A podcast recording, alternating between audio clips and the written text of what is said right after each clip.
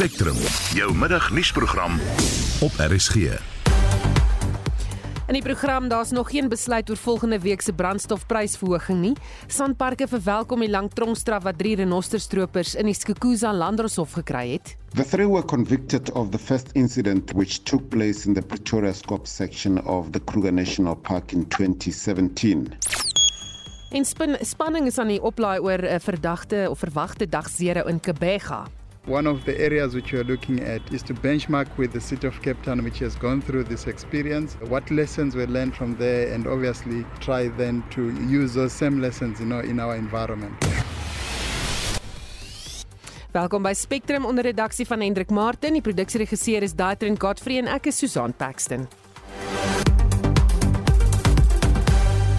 Daar is geen verkeer. Goeiemiddag, ek is Annelien Moses met die verkeersnuus. In Gauteng is daar padwerk op die N12 Wes na Xavierstraat en die regterbaan is versper. Ook padwerk op die N12 Oos by Kliprivierrylaan en die regterbaan is gesluit. Daar staan 'n voertuig op die N12 Oos na die Gelulies wisselaar en een baan is onbegaanbaar. En daar staan 'n vragmotor op die N3 Suid voor Modderfonteinweg en een baan is versper. As jy op enigiets afkom, stuur 'n SMS na 45889 teen R1.50 per boodskap.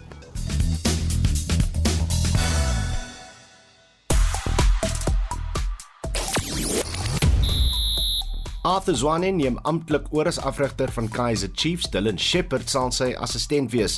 Jose Mourinho vier die mylpaal as die eerste sokkerafrigter om op al drie vlakke van kompetisie in Europa 'n titel te wen met trane in sy oë. En Ryan Klassen oor 'n uur in aksie in die tweede ronde van die mans dubbelspel van die Franse Ope. 'n Volledige bulletin volg net na 12:30. Die volgende onderwerpe gons op sosiale media.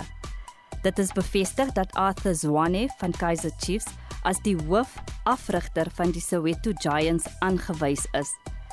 Dan sê kenners, daar is geen rede tot kommer nie. Apokke sal nie tot 'n epidemie lei nie. Nog iets wat bespreek word is die kwessie eh, van die massa skietvoorval gister in die FSA. Dis die soveelste skietvoorval in daardie land, maar dit gebeur ook hier by ons veral binne die konteks van bende geweld. Een oplossing wat aan die hand gedoen word in strenger of is strenger wapenbeheer, maar is dit werklik die antwoord? Gaan dit die probleem oplos? Stuur vir ons 'n SMS na 45889. SMS se kos R1.50 per boodskap. Jy kan op ons Monitor en Spectrum Facebook bladsy saampraat, asook op die Messenger toepassing vir ons stemnota stuur. Of stuur 'n stemnota na die WhatsApp nommer 076 536 6961. Spectrum, jou middagnuusprogram op RSG. Sy by kan 7 minute oor 12. Die regering het nog nie enige besluite geneem in verband met die verwagte stygings in die brandstofprys volgende week nie. Die minister in die presidentskap, Mondli Gungubele, het vanoggend by 'n media-konferensie gesê hy wag dat die minister van finansies, Enoch Godongwana, op die kwessie sal reageer. Gungubele het terugvoer gegee oor kwessies wat gister tydens die kabinetsvergadering bespreek is en Esie de Klerk het meer besonderhede. Hy het nie in sy aanvanklike terugvoer enigiets oor die kwessie gesê nie, maar op 'n vraag oor of die regering die verwagte stygings in die brandstofpryse bespreek het, het hy gesê hy verwag dat Godongwana spoedig sal terugvoer gee omdat dit die ekonomie van die land raak. We take guide from the Minister of Finance, the Minister of Energy in that matter. We are very happy that we're able to protect the motorists recently, which was for a definite period. What is the next step? I have no doubt soon the Minister of Finance will guide us on the trends and what measures can possibly be put in place, maybe to help us to stay afloat on that matter. Op 'n vraag oor of die kabinet 'n pleidooi deur SA Rugby oorweeg het om 100% toeskouers toe te laat vir die drie rugbytoetse tussen Suid-Afrika en Wallis in Julie in Pretoria, Bloemfontein en Kaapstad, het Gungubele die volgende gesê. There's nothing that has changed up to this point with regard to the number of people at the Watercall Stadium. There's still a lot of work being done in that regard. And of course, the intention is to succeed, convince as many people as possible to vaccinate so that we can enjoy sport the same way it is being enjoyed in what we call in Europe. Hy sê die opspraakwekkende vlagpaalprojek van 22 miljoen rand wat deur die minister van Sport, Kuns en Kultuur, Natim Tetwa voorgestel is, waarna hy besluit het dit moet hersien en na die parlement verwys word na sterk openbare teenkanting is nie deur die parlement bespreek nie omdat Ntetwa self betyds ingegryp het. I keep on again repeating the fact that if people can look at the flag and its content, they will find it is a critical flag to actually reinforce cohesion in South Africa. But the issue of cost is what the minister is reviewing, especially in the context of the contest, contesting needs in our country access to water, poverty, access to food. We also continue to actually commend the minister for that exercise, and the minister will continue to actually show us where that review is going. Gungubele het ook gesê die moontlike verspreiding van aappokke in Suid-Afrika is nie tydens die vergadering bespreek nie en die regering maak staat op raad van die nasionale departement van gesondheid in die verband. Hy het ook gesê die wetsontwerp oor staatsinstellings is nog nie deur die parlement ter tafel gelê nie, maar hy het uitgebrei oor die belangrikheid van die wetsontwerp. What that bill seeks to do, amongst other things, it seeks to ensure that our state owned enterprises contribute in a manner that is conventional that state-owned enterprises are usually used for because they are supposed to add capacity to the state. They are supposed to assist the state to do better than it is doing. But a number of our state-owned enterprises tended to be a burden to the state. Now, this bill seeks to ensure that the institutional and the skills approach and all the configurations are of such a nature that we are efficient, we are protective, we fulfill the convention of improving the capacity of the state to carry its program. Gungubele het ook verwys na die moontlikheid dat Suid-Afrikaanse gebaretaal as Suid-Afrika se 12de amptelike taal erken sal word. Die departement van basiese onderwys het van dese maand in sy begrotingsrede aangekondig hy sal gebaretaal as 'n opsie in die skoolkurrikulum insluit.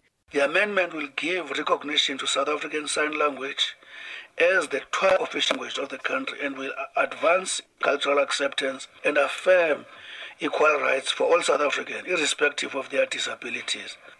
Gungubele het gesê jeugdag sal vanjaar in die Oos-Kaap herdenk word. Hy het ook melding gemaak van die afsterwe van die ekonom Mike Schuessler en die akteur Jamie Bartlett en dat die SAIK se Morning Live aanbieder Leanne Manus deur Frankryk tot ridder geslaan is. Ek is Estie de Klerk vir SAIK nuus. Die sitting van die nasionale vergadering om 'n mosie deur die PAC leier oor sosiale kohesie te debatteer begin vandag om 2 uur. Ons praat nou daar met ons verslaggewer Zelin Merrington. Goeiemôre Zelin. Middag Susan. Kan jy vir ons 'n voorskou of 'n voorsmaakie gee van wat om te verwag? Hmm. Die parlementêre leier, meneer ehm um, Mzwanele Nyonso, het uh, vroeër vir my gesê die rede hoekom hulle hierdie mosie ehm um, na die nasionale vergadering toe gebring het is om te bespreek uh, die verskillende voorvalle um, in ons land en hy sê in besonder natuurlik wat uh, onlangs uh, by die Stellenbosch Universiteit gebeur het waar 'n uh, wit student na bewering geïreneer het op um, eiendom uh, skootrekenaar van 'n uh, van 'n swart student waar hy sê dat dit is hoogtyd dat die land ehm um, in erns begin kyk na voorvalle soos hierdie ehm um, sodat daar uh, met daadwerklike oplossings voor 'n dag gekom kan word en ek het hom gevra Uh, dit is net nog gelede om te praat daaroor. Ehm um, jy weet want daar is al baie keer in die parlement uh 'n debat gehou oor uh, voorvalle van rasisme hoe nadelig en skadelik rasisme is en so meer en hy het toe gesê dat hy dink dat ehm um, dit doen nie skade om daaroor te gesels nie maar dat ehm um, dan natuurlik of miskien 'n bietjie ehm um, met meer um, dringendheid gekyk moet word na wetgewing in hierdie verband. Ehm um, daar is in 2016 vir die eerste keer die wetsontwerp oor, oor haatspraak na die parlement toe gebring. Dit is uh, ja in, in 2016 en die wetsontwerp is in 20, in 2018 ehm um, uh opgedateer. Ehm um, dit is 'n verkeerde Afrikaanse woord. Dit is updated in 2018. Maar dit is nou nog nie uh, jy weet dit is nog nie deur die ehm uh, nasionale vergadering nie. So daar is nou nog nie 'n wet wat hierdie tipe ding ehm um, uh kan reguleer nie. Dit sluit natuurlik in goed soos rasisme ja en xenofobie en so aan. Ehm um, so hy sê hy hoop dat uh, meer gesprekke oor goed soos uh, rasisme natuurlik sal help met sosiale kohesie, maar ook dat dit nou by 'n punt sal kom waar daar uiteindelik iets tasbaar gedoen sal word soos wetgewing om te verseker dat die land nou uh, minder stukke voorvalle het en sodat daar ook weet sodat mense kan verstaan wat is die impak en dat daar definitiewe gevolge sal wees. Ehm um, byvoorbeeld dat jy ehm um, tronk kan gaan vir voorvalle van rasisme as jy indien jy dan skuldig bevind sal word. So dit is die PRC in 'n in 'n nette dop wat hulle nou ehm um, die debat wat hulle gaan lei 2 uur. Maar dankie, dit was ons verslaggewer Zelin Merrington. Swelenzima Wawi is teen alle verwagting in weer tot sekretaris-generaal van die vakverbond SAFTU verkies. SAFTU se verkiesingskonferensie was ook nie sonder voorval nie.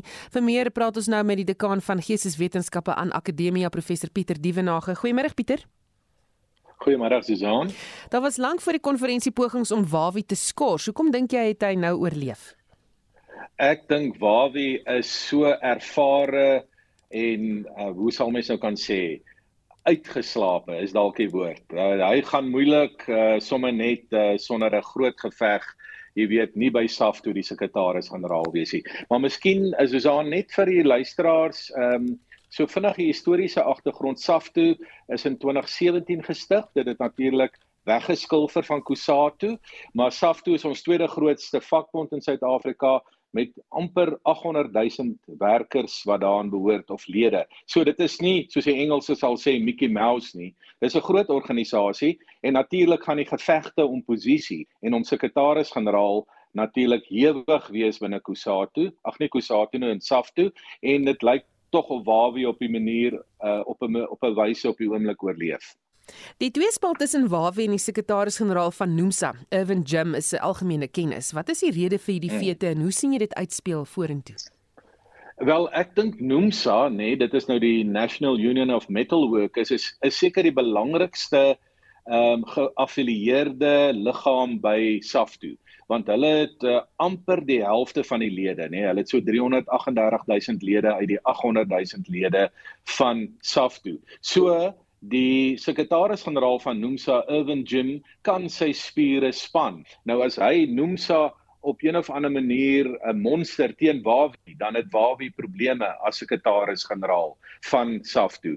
En uh, maar nou die interessante die afgelope naweek by Kempton Park het omtrent al die Nomsa persone verloor teen pro Wawi mense uh, in die verkiesing, jy weet van sekretaris-generaal uh, in die verkiesing van ehm um, uh jy weet ander belangrike uh, mense op die bestuur van SAF toe. Nou dit beteken dat Irvin Jim op die oomblik so bietjie tweede viool speel in SAF toe, maar jy weet hoe dit gaan in hierdie vakbond uh organisasies. jy is so goed as ehm um, in beheer tot die volgende week en daar is daar weer 'n monstering van 'n aard teen jou en soos ek gesê het Irvin Jim het groot steen binne SAF toe as mens maar net dink hoeveel lede het hy onder hom in die National Union of Metal Workers. Hmm. Nou die vraagstuk het ook ontstaan of vakbonde onafhanklik moet wees van politieke partye. Hoe dink jy gaan hierdie debat verder ontwikkel? Dis 'n baie belangrike debat en uh, nie net in Suid-Afrika nie, maar internasionaal. Ek dink die ideaal is dat 'n vakbond nooit te na aan 'n politieke party moet wees nie, want dit gee vir jou 'n sekere onafhanklikheid uh en jy um, het soms ander belange as 'n politieke party maar nou het ons 'n geskiedenis na 94 dat die uh vakbonde veral uh rondom die ANC wil baie graag uh, so naas moontlik aan die ANC staan en ons weet daar is ook 'n alliansie tussen die ANC en Kusatu. Nou SAFTU staan 'n bietjie buite hierdie kring, maar SAFTU se ideologiese posisie is nie ver van Kusatu se nie. En daarom kry SAFTU uh heelwat simpatie vanuit die ANC en ook heelwat simpatie uit die EFF. Jy weet so, dit is maar 'n 'n 'n 'n situasie in Suid-Afrika dat ons groot vakbonde staan baie naby aan die politieke partye en veral die een die die ANC. Uh internasionaal is die tendens dat vakbonde hulle self soms meer onafhanklik gaan posisioneer. Maar jy weet Susan, dit hang saam met die graad van het jy 'n ou demokrasie of 'n nuwe demokrasie en hoe lyk dit met demokrasie in Afrika en met vakbonde? So mense moet 'n 'n redelik genuanceerde interpretasie hê om presies te sien waar is 'n vakbond in die wêreld en watter staat en dan gaan jy daai vraag oor hoe onafhanklik moet 'n vakbond wees uh beter kan beantwoord. Baie dankie. Dit was die dekaan van Geesteswetenskappe aan Akademia, professor Pieter Dievenage. Drie renosterstropers wat in die nasionale kreer Wildtuin vasgetrek is, het gesamentlik 63 jaar tronkstraf in die Skukuza streekhof gekry. Ike Pachla, die woordvoerder van die nasionale kreer Wildtuin sê, die drie is reeds in 2017 vasgetrek en een verdagte is steeds soek. Isaac Zita, 41, Oscar Ndlovu, 38, and Richard Mkombo, 39 years old, are all South Africans and were convicted by the court on 12 charges related to rhino poaching. They were all sentenced to a combined total of 63 years behind bars. Pagla sê veldwagters het aanvanklik op 4 verdagtes afgekom wat in besit was van wapens en renosterhorings. The three were convicted of the first incident which took place in the Pretoria Scope section of the Kruger National Park in 2017. Rangers followed up after hearing gunshots near where they were patrolling and Oscar Ndlovu was found hiding. The Rangers called in their K9 colleague who led them to a backpack and two other suspects, Isaac and Given Zita. The backpack contained a pair of rhino horns and a rifle which were linked to a carcass found nearby. The accused were then granted bail after appearing in court and given Zita absconded and is still being sought by the police to face trial. In 2018, rangers found human tracks in the Kingfisher Spruit section of the KNP, which led them to the boundary of the Manyeleti Game Reserve where Oscar Ndlovu was arrested. The K9 unit was called in and led the team to Isaac Zita, and they were joined by a third accused, Richard Mkombo, and later a backpack containing a pair of rhino horns and a rifle linking the three to a carcass was found nearby. En dit was die woordvoerder van die nasionale kreer Wildtuin Ike Bakla. Die Verenigde Nasies bring vandag hulde aan vredesoldate met die internasionale dag vir vredesmagte wat Sondag herdenk word. Onder die gevalle helde van of wat die VN vereer is drie Suid-Afrikaanse soldate wat in die Demokratiese Republieke van die Kongo omgekom het. Vir meer oor Suid-Afrika se betrokkeheid by vredesendings praat ons nou met professor Abel Estreise van Universiteit Stellenbosch se fakulteit Krygskunde. Goeiemiddag Abel. Goeiemiddag. Het Suid-Afrika 'n verpligting teenoor die Verenigde Nasies en die Afrika Unie om vredesendings mee te maak? Ja, verpligting is seker een manier om daarna te kyk. Uh, ek sal dit eerder wil uh, beskryf rondom uh, Suid-Afrika se belange wat waarskynlik in Afrika gedien word deur betrokkenheid uh van vredesoperasies en by vredesoperasies van beide die Afrika Unie en die die VN. Ehm um, So eh, dit is wat my aanbetref vanuit 'n Suid-Afrikaanse perspektief eh, 'n uh, 'n faktor van belange. En wat is ons verantwoordelikheid teenoor SADC magte soos nou gesien uit die ontplooiing na Cabo Delgado in Mosambiek? Ja, SADC is 'n interessante eh, natuurlik deel van die Afrika se se veiligheidsargitektuur. Ehm um, maar my kollega het nou die dag SADC beskryf as 'n faceless entity en tot 'n mate toe is dit 'n uh, 'n gesiglose entiteit. Ehm um, en en deel daarvan het maar te doen met die feit dat SADC as 'n uh, 'n uh, veiligheidsstruktuur nie oor baie kapasiteit beskik nie en dat Suid-Afrika en Botswana tot 'n groot mate toe die enigste lande is binne die SADC veiligheidsstruktuur wat regtig oor 'n kapasiteit beskik wat kan bydra tot uh, uh jy weet oorkoepelende veiligheidsoperasies. Uh, ehm um, so dit is maar SADC wat verantwoordelikheid geneem het vir die operasies in Mosambiek op die oomblik, maar uiteindelik is dit eintlik maar Suid-Afrika wat die die die die leidinggewende na uh, staat is uh, binne SADC. En uh, wie dra die kostes van VN ontplooiings waaraan Suid-Afrikaanse soldate deelneem? Wel, dis 'n groot kontroversiële aangeleentheid. Uh natuurlik word die aanvanklike ontplooiingskoste gedra deur die die Suid-Afrikaanse belastingbetaler.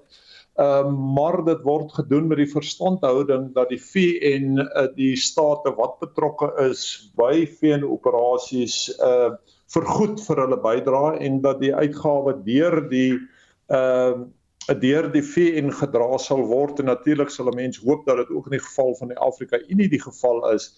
Uh in die geval van Suid-Afrika is dit 'n baie kontroversiële vraag om te vra en die kontroversie hou verband met die feit dat die geld wat vanuit uh, en vanaf die VN ontvang word vir veiligheidsoperasies nie noodwendig teruggekanaliseer word na die verdedigingsbegroting nie. Dit gaan terug na die B7 rekening van die die regering en dit word deur die regering dan aangewend uh, binne die breër staatssektor. En dit skep natuurlik baie vrae in die verdedigingsomgewing uh, deurdat uh, ons ontplooiings veiligheids uh, operasie ontplooiings deur ons eie verdedigingsbegroting gedra moet word en ons eintlik niks daarvoor kry uh, in terme van die die verdedigingsopset nie. Mm, het dit te maak ook met die begroting wat nie genoeg is nie soos wat die minister verduidelik het in haar begrotingsrede? Wel, dit dit sit uiteraard geweldig baie druk op uh, die verdedigingsbegroting uh en ja, dis 'n groot deel van van Suid-Afrika se uh, se verdedigingsbegroting word opgeëet uh, deur hierdie tipe van van operasies. Maar ek moet ook die punt maak dat ek dink Suid-Afrika, jy weet, vredesoperasies was ehm uh, 'n groot strategiese prioriteit onder veral president Mbeki met sy uh konseptualisering van veiligheid in Afrika, um NEPAD en en al die interessante uh konsepte waarmee hy gewerk het om die belang van Afrika te beklemtoon. Maar ons het wat Suid-Afrika aanbetref is ons dink ek so ietwat in 'n post peacekeeping 'n mindset as ek dit so kan stel. Ons is nie meer so omvattend betrokke by vredesoperasies soos ons al altyd was nie. En ja, of 'n mens nou die operasie in Mosambiek ehm um, kan sien as 'n vredesoperasie, ehm um, ek sal ek sal dit as 'n debatteerbare aangeleentheid op die tafel plaas. As ons die fokus kan verskuif eh, na die Donbas streek in Oekraïne, wat is besig om daar pos te vat? Ja, daar was 'n interessante strategiese situasie besig om te ontvou. Ehm um, die uh gevegte wat in die volgende paar dae in die week gaan ontvou, dink ek gaan waarskynlik die toekoms van die Donbas streek bepaal. Rusland uh sit in 'n baie baie goeie posisie om 'n uh, omsingelingsbeweging uit te voer om uh sleutel uh dorpe in te neem in die Donbas streek wat hulle toegang gaan gee en beheer gaan gee oor uh, die sleutel vervoernetwerke in in die Donbas streek. En so dit sal baie interessant wees om uh, te sien wat besig is om te ontvou in die volgende dag of twee. Uh, ek dink ons gaan waarskynlik groter strategiese sukses sien van die Russiese magte omdat hulle ook gaan uh, daarin gaan slaag om sleuteldorpe in die Oekraïne in die ooste van die Oekraïne te kan uh, afsny um, en ek dink op daai manier uh, gaan hulle regtig beheer neem van die Donbas streek. So op operasionele vlak is dit baie interessant wat besig is om te ontvou. Uh op 'n strategiese vlak ehm um, ja, is dit interessant dat uh, tussen Hongarye en ek uh, dink die Turke uh NAVO se se se uh, benadering en hantering van uh, Oekraïne 'n bietjie onder druk gekom het. Maar ja, ons ons sal moet sien hoe dit uitspeel. 'n Groot deel van NAVO se uitrusting het nog nie die die operasionele teater bereik nie. Ehm um, en en dit sit geweldig baie druk op die Oekraïense magte op die oomblik. Baie dankie. Dit was professor Abel Estreise van Universiteit Stellenbosch se fakulteit Kruigskunde. In 'n eerste vergadering van oppositiepartye gister met die spreker van die parlement, Nosiviwe Mapisa Nkakula, is voorgestel dat 'n parlementêre komitee saamgestel word wat uitsluitlik sal kyk na die bevindinge in die staatskapingsverslag. Oppositiepartye eis egter dat ANC LPs uit so 'n komitee weggelaat moet word omdat lede van die regerende party in die staatskapingsverslag geïmpliseer word. En ons praat nou hieroor met die politieke ontleder Dr Pieter Mulder. Goeiemôre Pieter. Goeiemôre Susan. Is so 'n versoek van oppositiepartye ongewoon? Ja, dit is ongewoon uiteindelik. Daar is goeie argumente daarvoor, maar ek kan nie onthou dat ooit van tevore gebeur het nie. Die argument is en dis die ou argument van enige hofsaak dat as jy met hofsaak besig is, moet die regter so objektief as moontlik wees. Met ander woorde, ons uh, kom ons sê as dit nou sy niggetjie is, hy ou liewe niggetjie voor die regter of sy mistress, dan moet hy onttrek en sy belange verklaar. En dieselfde geld nou vir die parlement, waar hy nou komitee het wat moet ondersoek instel na persone wat van korrupsie bespreek word of 'n saak moet bespreek en as ANC parlementslid nou is die vraag in watter mate kan hulle self losmaak van hierdie saak en objektief bevindinge maak oor hulle kollegas. En ek dink dis die debat en ek dink wat dit ag moeiliker maak, dis in McKinsey se saak is deur die etiese komitee ondersoek en hulle het hom op 'n tegniese punt onskuldig bevind. Hulle het gesê sy seun is nie naby genoeg familie nie omdat hy apart woon en so meer.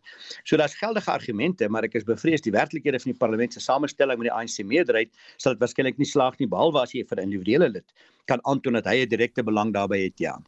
Nou sou die objektiviteit van so 'n komitee in twyfel getrek kon word as ANC LPs wel in die komitee ingesluit word.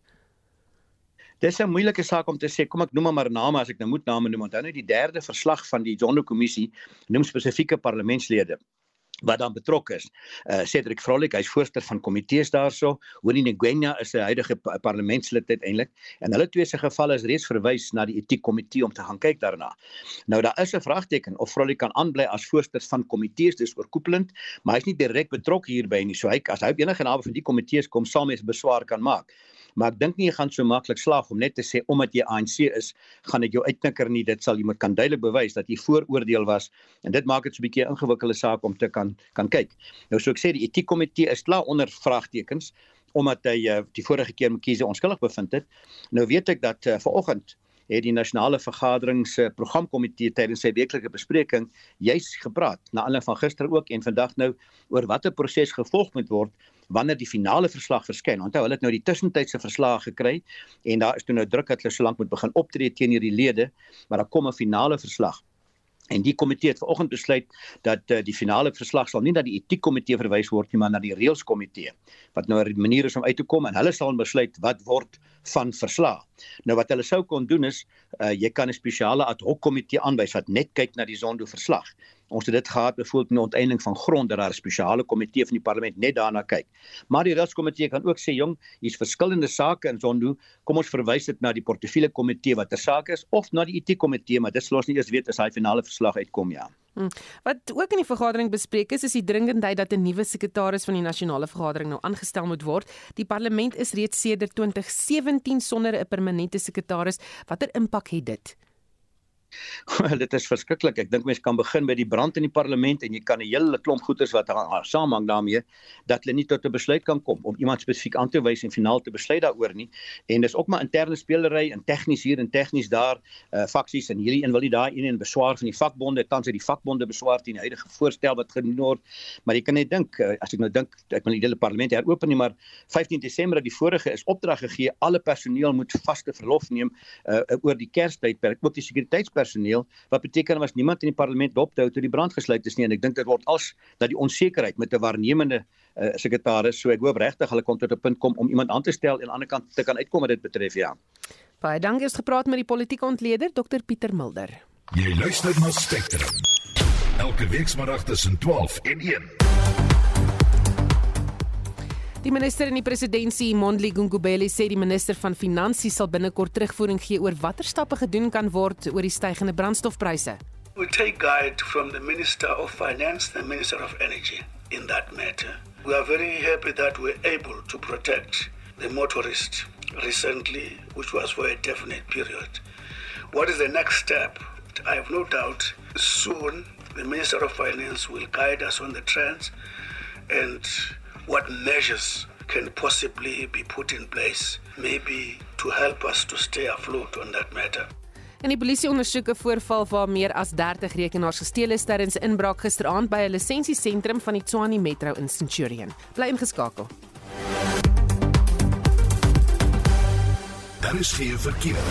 Ons begin in KwaZulu-Natal, druk verkeer op die N3 Oos by die Marion Hill Tollhek, so verwag vertragings daar. En in Gauteng, daar is instandhoudingswerk op die N3 Suid na die Geldenhuys wisselaar en die linkerbaan is gesluit. Daar is padwerk op die N3 Suid vir die Elands wisselaar en die linkerbaan is onbegaanbaar.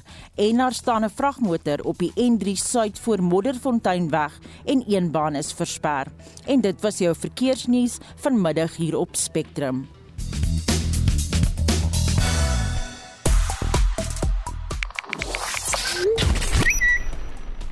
Zwelenzima Wawi wat weer tot sekretaris-generaal van SAFTU verkies is, trek groot aandag op sosiale media en Arthur Zwane van Kaizer Chiefs as as die hoofafrigter van die Soweto Giants aangewys.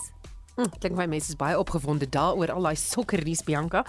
Nou ja, wat die SMS terugvoer aan betref, een kwessie wat eh, steeds druk bespreek word is hierdie massa skietvoorval gister in die FSA. En ons het gevra een oplossing wat aan die hand gedoen word is strenger wapenbeheer, maar is dit werklik die antwoord? En uh, iemand wat sê dis PJB, uh, watter wettige wapens hierdie staat gesteel word, het net die kriminele en SAPS wapens, sê vir my en dit is dieselfde ding. En iemand wat sê dit gaan nie werk nie want wapens is vrylik beskikbaar. En nog iemand wat sê sê dis nie net die vuurwapen wat die misdaad pleeg nie, dis die persoon agter die wapen, Max B wat dit vir ons sê. Jy kan nog saamgestel as jy wil, jy kan vir ons 'n SMS stuur na 45889 of jy kan vir ons 'n stemnota stuur na 0765366961. En vir die jongste sportnuus sluit ons kollega Oudo Karelse by ons aan. Oudo, kan ons eh, kom ons begin met die groot media konferensie wat op die nuuskanale vandag is, eh, vandag gedek is, is aangaande Kaizer Chiefs. Ja, Susan, net 'n bietjie konteks uit die laaste 10 aanstellings by Kaizer Chiefs in die pos as afrigter. Zwane is slegs die derde Suid-Afrikaner wat hom lanktermyn aangebied is. Sy kontrak sal vir die volgende 3 jaar van krag wees. Uh Zwane is voorlopig aangestel na Stuart Baxter in April die trekpas gekry het. Hulle was in 4de posisie ten tye van Baxter se afdanking en het ook in 4de posisie geëindig in die DStv Premier Liga. Dit nou onder Zwane en sy nou amptelike assistent Dylan Shepherd se leierskap. Die ondersteuners van die klub is vanoggend aan die gons op Twitter omdat die aankondiging reeds 10 uur vanoggend moes begin. Swanie is eers 'n uur later bekend gestel. In die tussentyd het sokkerliefhebbers gespot dat uh, of Chiefs of Swanie van plan verander het of load shedding het hulle almal getref. Uh maar dit was nou toe nie beerdkrag nie, maar uh, nadat amptelik gemaak is, blyk die Kossie familie heeltemal tevrede te wees met die aanstelling. So gepraat van sokkerafrigters, ek sien Jose Mourinho is weer in die nuus.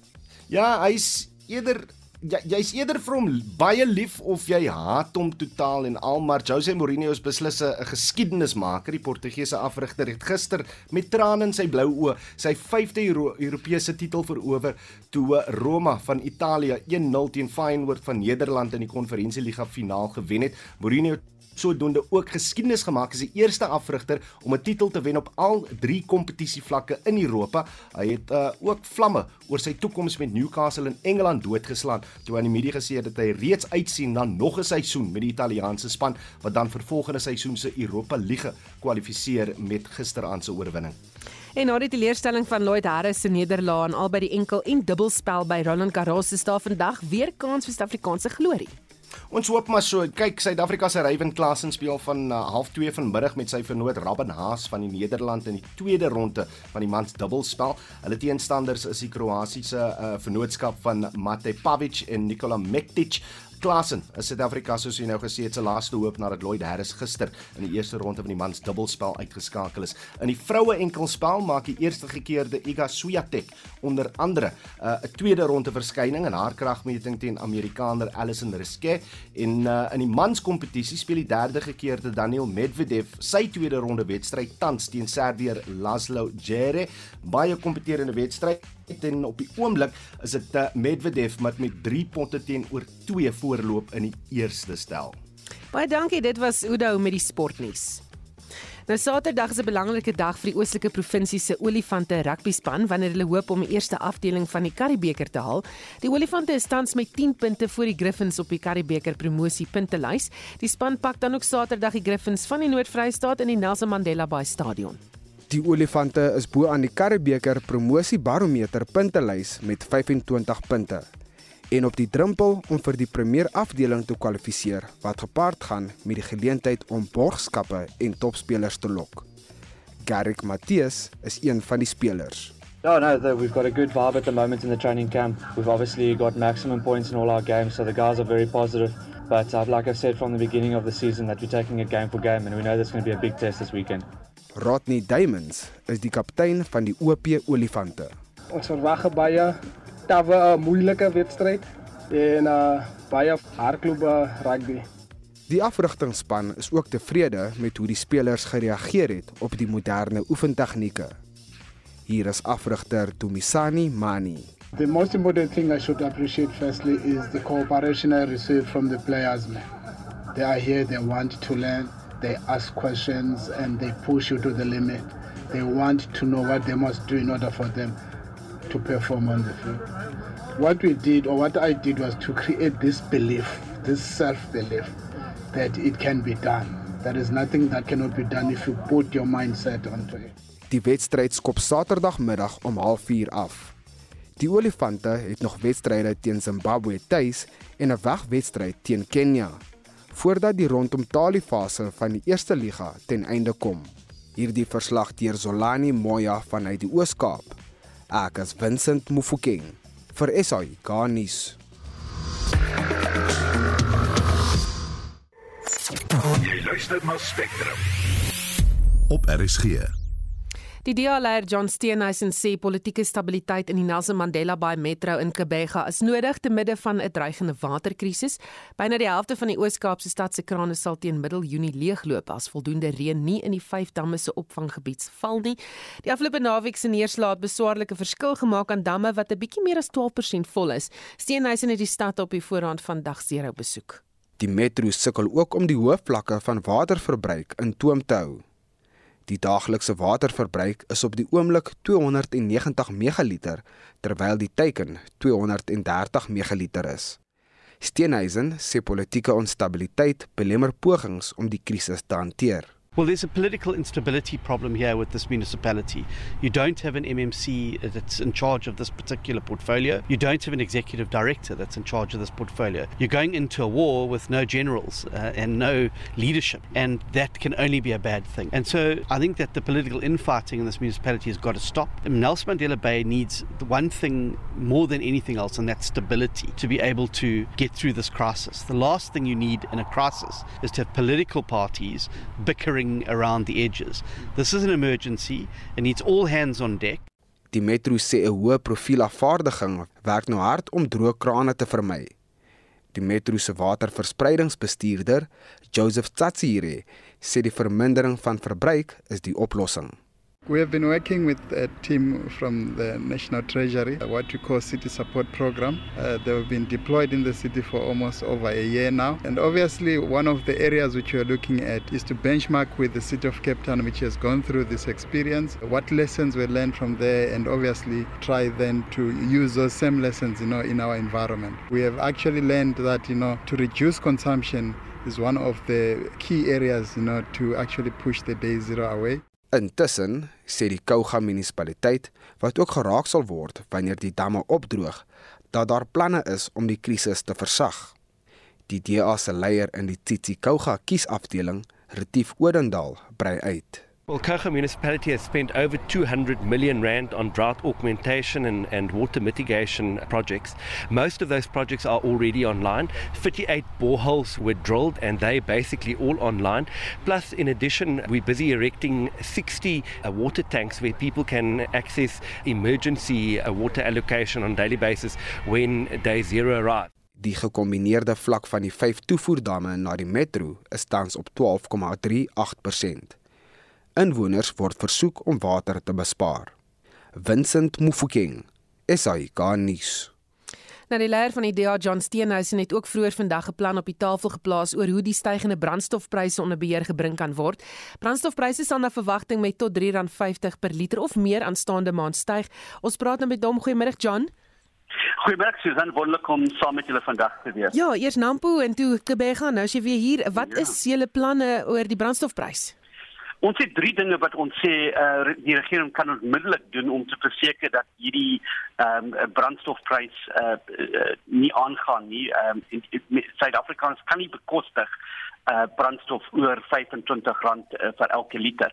Die drie dinge wat ons sê die regering kan onmiddellik doen is eerste ons hulle met die ehm um, die general fuel levy wegvat. Dis die prys wat Suid-Afrikaners betaal vir die korrupsie, die feit dat ons 'n uh, groot kabinet, die feit dat ons spandeer 8 miljard rand elke jaar op uh sekuriteitsdienste vir die ministers, die feit dat ons mors 1.5 um triljoen uh, uh rand op uh op uh, staatskaping. Die tweede ding wat ons sê is dat mense wat het hulle eie privaat ehm um, third party uh, versekering dat hulle nie die uh, RAF levy moet betaal en hulle kan dit terugvat van hulle ehm um, hulle belastings ehm um, uh, by tot die einde van die jaar van SARS af. En die derde ding wat ons sê dit ons dit sê is dat die regering moet onmiddellik die brandstof ehm um, ehm uh, dereguleer om seker te maak dat daar kompetisie kan wees vir die 11 uh, miljard liter van brandstof wat verkoop elke jaar ons uh, sien dat ander lande in Afrika en rondom die wêreld dieselfde dinge doen en dis hoekom brandstof is is amper R5 per liter uh uh um, minder in lande soos Namibië, Kenia, uh, Botswana en ander lande. Die feit dat is dat Suid-Afrikaners is nou siek en sat om te betaal elke keer. Die regering sê ons moet ons belt uh, uh tighten our belts, we've got to cut our cloth accordingly, maar die regering doen nie dit eers nie. Hulle spandeer uh, geld na Cuba, hulle 'n uh, vlag uh, opsit vir 20 22 miljoen rand. Dis nou tyd dat die regering um, hulle mag intrek uh in nie die uh die belastingbetalers in Suid-Afrika nie. John, um hoe gaan julle dit stel julle dit voor of gaan julle aksie neem om dit af te dwing? Ja, ons het alreeds 'n uh, 'n privaat wetsontwerp in die parlement ingesit op die deregulering van van brandstof, maar ons het ook uh by die speaker vandag uh sy het uh vir ons gesê dat ons vra vir 'n debat uh, oor um, belangrikheid in die parlement. En sy het gesê dit sal nou aangaan. So ons kan hierdie dinge op die tafel sit in die in die parlement, maar dis ook nou tyd dat Suid-Afrikaners saam staan teen hierdie pogings van die regering om dinge erger vir ons mense te maak. Ons sukkel alreeds met uh voedselinsekuriteit, ons sit met met honger kinders, ons sit met uh vervoerkoste wat deur die uh deur die um, die, die dak gaan. En ek dink dis nou tyd dat ehm um, uh verenigde organisasies, uh burgerlike organisasies um, en mense nou saam staan agter hierdie pogings van die amptelike oppositie om te verseker dat ons kan sê vir die regering sover en nie verder nie. Dis 'n ding wat ons kan nie eers bekostig nie en ons moet vir die regering neersit. Baie dankie. Ekskuus op dit was die leier van die DA John Steenhuisen. En vir sy reaksie oor die plan van die DA praat ons nou met die funksionele hoof van landbou by Netbank Daniel Resou. Goeiemôre Daniel. Goeiemôre Susan, lekker om met julle te gesels. Is die planne van die DA haalbaar? Kyk, um, om te begin, ek wil sommer net bietjie oor deregulering miskien praat. Die meeste van ons landboubedrywe is eintlik mos van hier van 1994 af gedereguleer. En as ons gaan kyk, weet na die groei wat ons gesien het aan landbou spesifiek as gevolg van deregulering. Ehm um, jy weet dit landbou eintlik ongelooflik goed gedoen want ehm um, in die proses is ook kompetisie geskep natuurlik. Ehm um, en dan ook ehm um, weet net die vermoë dood eenvoudig om te kan groei. Ehm um, onder dan nie teruggehou is in terme van van sekere beleidsaspekte nie. Ehm um, maar ons weet ook dat weet dat ehm um, die hele energiekrisis en die verhoging in in brandstofpryse met dit is maar net een van die faktore weet wat 'n impak het op um, ons totale voedselinflasie en wat ons dan nou die laaste paar maande gesien het wie die skerp stygings in voedselinflasie. Hm. Ehm um, so as ek ja, as ek miskien kan uitbrei of ehm um, ja, weet as jy Ja, jy kan uitbrei want ek sien Massmart voorspel 10% voedselinflasie stygings. Dis 'n dubbel ja. syfer. Ja, nee nee definitief en ek bedoel dit is rede om bekommerd raak. Maar jy weet dit is nie iets wat van vandag af aankom nie. En weet ek dink sommer aan daai begrip wat ons in Engels noem the global village en die aanbodketting. Jy weet dis twee begrippe wat vir my nogal nuwe betekenis gekry het die laaste 2 jaar. Jy weet ons het gesit met COVID van Maart 2020 af en toe het ons die skip in die Suezkanaal gehad, die Ever Given um, 'n jaar later en nou het ons presies weer 'n jaar later die die oorlog in die Oekraïne. En al daai weet het 'n wesenlike impak op ons hele die hele aanbodketting want wat is voedselinflasie? Nee, dit word gedryf deur vraag en aanbod. En as ons nie 'n goed funksionerende aanbodketting het nie, weet dan het ons probleme internasionaal. En dit ek dink dis waar die grip Global Village ook vandaan kom, weet. Hmm. Ehm um, so weet en so ons sien baie dinge wat verander het en wat 'n ehm um, 'n baie groot impak het ook dit op dan op Suid-Afrika se voedselinflasie. Ons is deel van die internasionale ekonomie. So. Ja. As mens byvoorbeeld die brandstof ehm um, heffings heeltemal skrap soos hulle voorstel, gaan ons werklik minder betaal reg deur die waardeketting. Ja, ek weet ek dink dit is nogal iets wat baie gedebatteer word. Ehm um, as ons by die primêre produsent kan begin, met ander woorde ons boere op die plaas. Ek het nou sommer net so 'n paar statistieke gou uitgehaal, jy weet, ehm um, as ons gaan kyk na die, die totale koste struktuur van veral van ons graan en ek dink dis wat die grootste impak is weet as ons gaan kyk na ons verbruiker ook in die Suid-Afrikaanse mark weet mielies en koring dan byvoorbeeld. Weet as brandstof se um, as 'n persentasie van direkte uitgawes in omgewing van 12% kunsmis is weet aan die ander kant wissel van 55 tot amper 67% van direkte kostes. En nou weet ons ook dat kunsmis weet is 'n ehm um, basies vervaardig ook dan uit olie uit so die oliepryse te wesentlike impak op op kunsmis ook. Maar ek dink wat ons moet besef, weet aan die primêre produsente kant, dat die meeste van ons kommoditeite is hulle prysnemers. Met ander woorde, daar's nie werklike direkte verband teen koste om van die koste om te produseer en dan weet die die produkpryse aan die ander kant nie. Dit word bepaal deur internasionale tendense. Ehm um, weer eens, weet vraag en aanbod en wat gebeur in Amerika, wat gebeur in die Oekraïne byvoorbeeld met met uitvoere van koring. Weet ons is 'n netto invoerder van koring vir argumente en tawe. Maar ek dink wat ons miskien moet in aanmerking neem en dis baie moeilik om te kwantifiseer is die koste komponent van energie dwars deur die waardeketting of kom ons noem dit nou maar die aanbodketting. Want wat ons het in Suid-Afrika is padvervoer. En padvervoer is duur. Ons sit met ehm um, in baie provinsies, jy weet 'n 'n nie funksionerende ehm um, treinomgewing, jy weet of of treinvervoer is ehm um, is baie swak, jy weet en dis hoekom ons al hoe meer na padvervoer en dit is duur. Ehm um, selfs verskeping is duur. Met ander woorde wat ons die kos wat ons inbring of voedsel wat wat ons invoer en selfs uitvoer, ehm um, daai verskepingskoste het geweldig toegeneem die laaste jaar. Ja. Ehm ja. um, so wat daai werklike impak is, gaan baie moeilik wees om te sê, maar dat daar 'n definitiewe impak is van van energiekoste waarvan brandstof maar net een is. Ehm um, dit is so ja. Baie dankie. Dit was die funksionele hoof van landbou by Netbank Daniel Resou. Estie het vir ons die nuus en ontwikkelende stories van die afgelope uur dopgehou, Estie. Ja, Susan Zwelinzimabawi is weer tot sekretaris-generaal van die vakverbond SAFTU verkies en ons het die dekaan van Geesteswetenskappe aan Akademia professor Pieter Dievenage vir sy mening hieroor gevra. Ek dink Wawie is so ervare en uitgeslape is dalk die woord. Uh, hy gaan moeilik sommer net sonder 'n groot geveg nie by Safto die sekretaris-generaal wees nie. Safto is in 2017 gestig. Dit het natuurlik weggeskilfer van Kusatu, maar Safto is ons tweede grootste vakbond in Suid-Afrika met amper 800 000 werkers wat daaraan behoort. Die sitting van die nasionale vergadering om 'n mosie deur die PAC-leier oor maatskaplike kohesie te debatteer begin vanmiddag om 2 uur en ons verslaggewer Zelin Merrington gee vir ons 'n voorskou die rede hoekom hulle hierdie mosie na die nasionale vergadering toe gebring het is om te bespreek die verskillende voorvalle in ons land. En hy sê in besonder wat onlangs by die Stellenbosch Universiteit gebeur het waar 'n uh, wit student na bewering geïreneer het op 'n uh, skootrekenaar van 'n swart student waar hy sê dat dit is hoogtyd dat die land in erns begin kyk na voorvalle soos hierdie Ons berig ook môreoggend 'n monitor in meer besonderhede hieroor en onthou om in te skakel vir brandpunt om kwart voor 6 vanmiddag. Dit was Essie met 'n samevatting van die nuus en ontwikkelende stories. daarmee groet die Spectrum span. My naam is Susan Paxton. Bly ingeskakel vir 360.